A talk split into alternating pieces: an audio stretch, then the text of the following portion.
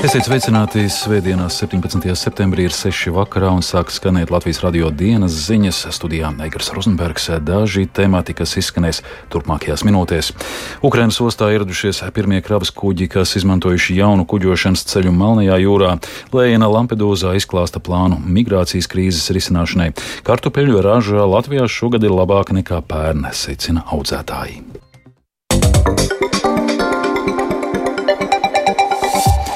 Bet sāksim ar tikko saņemtu ziņu, un proti, Kuldīgas vecpilsēta ir iekļauta UNESCO pasaules mantojuma sarakstā, tādējādi atzīstot un novērtējot Kuldīgas vecpilsētas unikālo vērtību arī pasaules mērogā. Kā norāda Kuldīgas noda pašvaldībā ceļš uz UNESCO, Kuldīgai bijis ļoti apjomīgs process, vairāk nekā 20 gadu garumā, kas realizējies ar augstu pievienoto vērtību. Citur pasaulē Ukrainā rit pilna apmēra kara 571. diena. Tā sākusies ar kārtējiem Krievijas dronu un raķešu uzbrukumiem.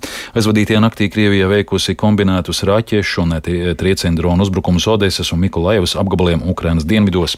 Daļu no raķetēm un droniem Ukrainas spēkiem izdevies notriekt. Nav ziņu par cietušajiem. Pagājušajā naktī kārtējie dronu uzbrukumi notikuši arī agresoru valstī Krievijā. Turpina Uldis Ķesberis. Galvaspilsētas Maskavas mērs Sergejs Sobjaņins paziņoja, ka ir notriekts viens drons virs Istras rajona Maskavas apgabalā, bet vēl viens drons virs Ramenskas rajona. Savukārt Krievijas rietumos esošās Orlas pilsētas apkaimē drons nogāzās naftas produktu bāzē un tā rezultātā aizdegās degvielas rezervuārs, bet virs Krievijas okupētās Krīmas pussalas šonakt esot notriekti seši bezpilota lidaparāti, paziņoja Krievijas aizsardzības ministrija. Ostā Ukrainas dienvidos vakar vakarā ieradušies divi kravas kuģi, izmantojot jaunu kuģošanas ceļu pa Melno jūru. Tā paziņojas Ukrainas valdība. Tie ir pirmie eh, civilie kuģi, kas pa Melno jūru sasnieguši Ukrainas ostas pēc Krievijas izstāšanās no starptautiskās graudu vienošanās jūlijā. Turpina Uldis Česberis. Vakar vakarā Čornomorskas ostā Odesas apgabalā iepeldēja zem Palau republikas karoga kuģojošie sauskravu kuģi Arojat un Resilient Africa. Abi kuģi izmantoja maršrutu, pa kuru līdz šim bija peldējuši tikai kuģi, kas atstāja Ukrainas Melnās jūras ostas. Ukrainas vicepremjers Aleksandrs Kubrākovs paziņoja, ka uz abiem kuģiem paredzēts uzkraut 20 tūkstošus tonu kviešu, ko pēc tam eksportēs uz Ēģipti un Izrēlu. Eiropas komisijas prezidenta Urzula Fonderleina šodien ieradusies migrantu pārpludinātajā Lampedūzas salā Itālijas galējos dienvidos. Viņa solīja Eiropas Savienības atbalstu, lai risinātu kārtējo migrācijas krīzi Dienvidē Eiropā. Vairāk stāsta Uldis Čēsperis. Urzula Fonderleina Lampedūzu apmeklēja kopā ar Itālijas labējo premjerministri Džordžiju Meloni, kura pērn oktobrī stājās amatā solot samazināt nelegālo imigrāciju. Taču viņas valdībai nav izdevies ierobežot migrantu plūsmu, kas pēdējā gada laikā ir pieņēmusies spēkā. To visvairāk izjūt tieši nelielā Lampedūzas sala, kas atrodas tikai aptuveni 100 km no Ziemeļāfrikas piekrastes. Lampedūzas pašvaldība šonadēļ bija spiesta izsludināt ārkārtas stāvokli pēc tam, kad laikā no pirmdienas līdz trešdienai salā ar laivām ieradās aptuveni 8500 migrantu pārsvarā no Āfrikas un Tuvu austrumu valstīm. Tas ir vairāk nekā salas pastāvīgo iedzīvotāju skaits. Lampedūzas iedzīvotāji ir neapmierināti ar varas iestāžu nespēju novērst jaunu migrantu ierašanos un tur jau esošo patvēruma meklētāju nogādāšanu uz izmitināšanas centriem Sicīlijā un Itālijas kontinentālajā daļā. Kāds vietējais iedzīvotājs sacīja, ka Lampedūza ir pamesta viena grūtajā situācijā. Šī 20 km2 lielā sala vairs nevēlas būt vieta, uz ko novelt atbildību risināt migrācijas fenomenu, kas vairāk nekā 30 gadus ir ietekmējis vietējo cilvēku un teritorijas dzīvi. Pēc Lampedūzas apmeklējuma Meloni sacīja, ka Eiropas Savienībai kopā ir jāmeklē risinājums nekontrolējamai migrācijai. Viņa norādīja, ka uz kārts ir likta Eiropas nākotne, jo tā esot atkarīga no Eiropas spējām stāties pretī sarežģītiem izaicinājumiem. Lējena piekrita Meloni. Neregulārā migrācija ir visas Eiropas izaicinājums, kam ir nepieciešams visas Eiropas kopīgs risinājums. Šajās dienās vietējie iedzīvotāji ir turpinājuši darīt visu iespējamo, lai atbalstītu vīriešus, sievietes un bērnus, kuri ir ieradušies Lampedūzas salā. Premjerministre Meloni un es esam šeit ieradušās, lai piedāvātu saskaņotu Itālijas valdības un Eiropas Savienības palīdzību. Mums, kā starptautiskās kopienas daļai, ir pienākums. Mēs to esam pildījuši pagātnē un pildīsim to arī šodien un nākotnē. Bet mēs izlemsim, kas un kādos apstākļos ierodas Eiropas Savienībā, nevis cilvēku kontrabandisti. Lējena nāca klajā ar desmit punktu plānu, kā Eiropas Savienība varētu palīdzēt Itālijai risināt krīzi. Tas paredz pātrināt migrantu reģistrāciju un patvēruma lūgumu izskatīšanu, kā arī migrantu iespējamu pārvietošanu uz citām Eiropas Savienības dalībvalstīm. Tiks pastiprināta arī robežu uzraudzība jūrā un debesīs, kā arī sadarbībā ar galvenajām migrantu tranzītu valstīm pastiprinās cīņu pret cilvēku kontrabandistiem. Taču Lējena vismaz pagaidām neatbalstīja Meloni ierosinājumu īstenot jūras blokā blokādi Ziemeļāfrikas piekrastē, lai apturētu migrantu laivas. Šajā gadā Itālijas krastus pa vidusjūru ir sasnieguši vairāk nekā 127 tūkstoši migrantu, kas ir gandrīz divas reizes vairāk nekā pērn šajā pašā periodā. Vairāk nekā 2000 cilvēku ir noslīkuši mēģinot no Ziemeļāfrikas nokļūt Itālijā un Maltā, liecina ANO migrācijas organizācijas dati. Uldis Česberis, Latvijas radio. Kartupļu raža, kartupļu raža Latvijā šogad ir labāka nekā pērn, secina audzētāji. Vienlaikus izaicinājums radījusi ražas novākšana Lietuvu dēļ. Tāpēc audzētāji šajās dienās aktīvi vāc kartupeļus, kurus daudzās saimniecībās šogad nāksies vairāk žāvēt. Plašāk Sintīs ambotas ierakstā. Šajās brīvdienās kartupeļu audzētāji visā Latvijā vāc ražu, kas šogad saimniecībās padavusies labāka nekā pērn vērtē kartupeļu audzētāju un pārstrādātāju savienības valdes priekšsēdētāja Aiga Kraukle. Tiesa gan daļai zemnieku ražu noslīkusi augusta Lietuvu laikā, un vietām arī šobrīd izaicinājumus rada tieši ražas novākšana mitrās augsnes dēļ. Kartupelis ir baigi jūtīgs. Šito divas dienas ir zem ūdens, pastāv vagas un viss viņi sāk pūt ir paskādējis nu, pat tie pēdējie lielie lieti.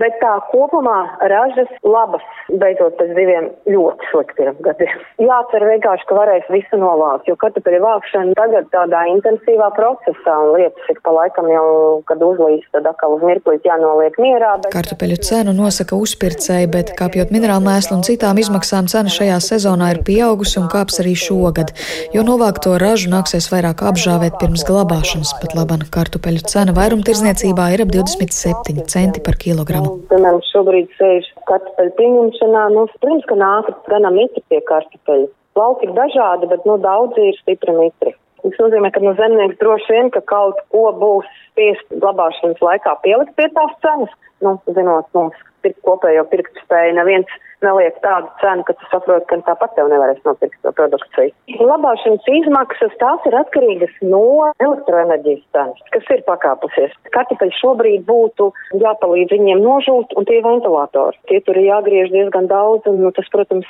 skaidrs kilovatstundu. Valkas novada vīciem zemnieku saimniecībā piekalnes audzē gan sēklas, gan pārtikas kartupeļus. Saimniecina ar pakalni saka, ka raža ir vidēji laba, jo iepriekš ilgstošā sausuma dēļ, īpaši agrajiem stādījumiem, raža nogatavojusies mazliet vēlāk, un bumbuļu skaits vienā cerā ir mazāks. Jo garāks šis periods ir bijis sausumā, jo tam kartupeļam ir bijis grūtāk dzīvot. Un uh, to jau var redzēt pēc tā, kas notika tad, kad uh, uzliekas šis lietus ir mazie kartupeļi, kas ir aizmetušies šajā jūlijā, tad, kad sākās tas pirmais lietus, kas parādījās. Un tie, kas ir aizmetušies maija beigas, un līdz ar to pie novākšanas nevar sagaidīt, ka tas mazais panāks to lielāko kartupeļu. Līdz ar to ir jāvāc, jo ir septembris, jo mēs jau nezinām, kas būs tālāk parasti mēs sākam vākšanu augusta beigas, un mēs zinām, kādas augusta beigas mums bija šogad. Arī tad, kad beidza līt, trīs dienas uz lauka vēl nevarēja tikt. Tāpat kartupeļu audzētāji norāda, ka šajā gadā mazāk bija izplatīta lakstu pūve, bet biežāk sastopama sausplankumainība, ar kuru ir ierobežotākas iespējas cīnīties, kas arī ietekmēs šī gada ražas apjomu. Sinti Ambote, Latvijas radio. Kuldīgas slimnīcās šonadēļ ārstējās paciente, kurai atpūta pie jūras beigusies ar čūskas kodumu pēdā gadā. Pacienti aicina cilvēkus uzmanīties, jo čūska nebija mežā vai aizaugušā vietā, bet gan uz takas, kas viest cauri jūras kāpām Bernātu pludmalē. Turpina mūsu kurzemes korespondente Inga Ozola. Kuldīgas slimnīcā pēdējo trīs gadu laikā reģistrēti četri gadījumi, kad palīdzību sniegta čūsku sakostiem pacientiem. Šos pacientus nav bijis nepieciešams stacionēt. Mediķi norāda, ka pretindes serums reģionālajās un lokālajās slimnīcās netiek uzglabāts. Turklāt sabiedrības viedoklis par to, ka čūskas kodumiem vienmēr ir vajadzīga pretinda, ir maldīgs, skaidro slimnīcā. Katrs gadījums ir individuāls un serums nevienmēr nepieciešams. Ja pacientu sakodusi čūska, mediķi parasti konsultējas ar Rīgas Austrum klīnikas Universitātes slimnīcas toksikoloģijas un sepses klīnikas kolēģiem vai saindēšanās un zāļu informācijas centra speciālistiem. Rīgā 11. novembra krastmalā šodien bija pulcējušies aptuveni 2000 riteņbraucēji, kuri galvaspilsētas ielās aizvadīja tradicionālo Rīgas velo maratonu. Sacensības sarīkošana šogad bija ievērojami grūtāka nekā citus gadus. Plašāk Reņa Grunspēņa veidotajā ierakstā. Dažas dienas pirms sacensībām nācās atcelt Rīgas velomaratona sporta distanci, jo policijas pakalpojumu izmaksas bija pārāk augstas. Sākotnēji arī pati norise bija plānota jūnija sākumā, taču to nācās par dažiem mēnešiem pārcelt remonta darbu dēļ. Šodien saulainā laikā un patīkamā atmosfērā brauciens varēja notikt. Turpina velomaratona organizators Igo Japiņš. Zināms risks, protams, ka bija jāpārceļ brauciens no jūnija dātuma uz šo, bet nu, ko izdarīs? Bet, nu, laiks bija mūsu sabiedrotais. Nu, saulains nav vējš. Vienīgi organizatoriem atkal grūti, jo bija mums divu nedēļu atpakaļ vienības brauciens un tāds arī, ko divus pasākumus ir nu, ekstremāli sarežģīti. Jāskatās, cik ir pieteikušies šodien. Es neesmu bijis, bet nu, pār diviem tūkstošiem. Vērienīgākajā tautas klasē, kurā bija jāveic divi 16 km apļi, uz starta stājās vairāki riteņbraucēji, kuri sākotnēji plānoja braukt sporta klasē. Vīriešiem dubultu uzvaru svinēja ZZK komandas pārstāvji Evalds Pavlovs un Emīls Ribaks, kuri abi kopā iebrauca finišā, Pavlovam gan esot sekundes desmitdaļu priekšā. Savukārt sieviešu konkurencē ātrākā bija 21 gadu vecā Renāta Rodionova, kura tuvāko sekotāju Lāsmu Elzi Vaivodi apsteidza par vairāk nekā divām minūtēm. Par sacensībām vairāk stāsta uzvarētājs Evalds Pavlovs. Mums ar Emīlu ar komandas biedru bija izdomāts, ka jābūt galvenais drošībā šajā gonkā, jo viņi parasti ir klasiski ar bīstamiem, ļoti dažādiem sportistu līmeņiem. Mēs gribējām būt pašā priekšā visu laiku. Sanāca bišķi labāk nekā bija plānots, jo tieši dienvidu tilti izdevās dabūt pārsvaru un tad vairs nepielaist klāt nevienu. Mēs kilometrus beigās sarunājām, ka iebrauksim abi kopā blakus, bet man liekas, ka Emīls speciāli nomīstinājās un palaida man pusmetru pa priekšu, lai es ieripoju pirmais. Bet uh, mērķis bija noteikti iebraukt blakus, lai kā, uzmest monētu, kurš pirmais ir uz līnijas. Tas arī ir uzvarēts. Kāda bija trase? Tu jau droši vien esi pieredzējis pie šī apļa.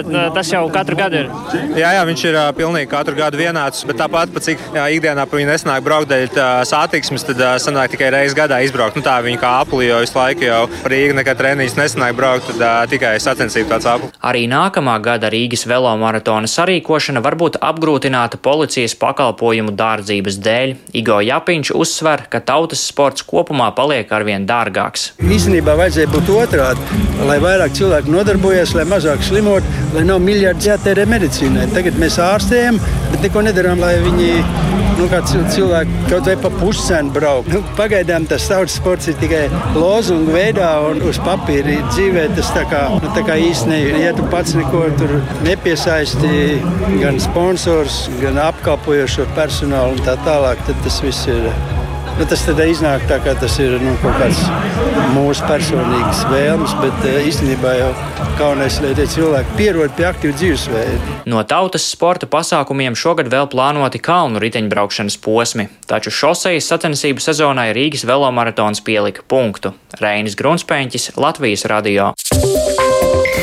Izskan Latvijas radio dienas ziņas producents Edgars Kupčs, ierakstus montēja Renārs Šteimanis, par labskaņu rūpējās Ernests Valts Fjodorovs, studijā Egars Rozenbergs, vēl tikai par laikapstākļiem.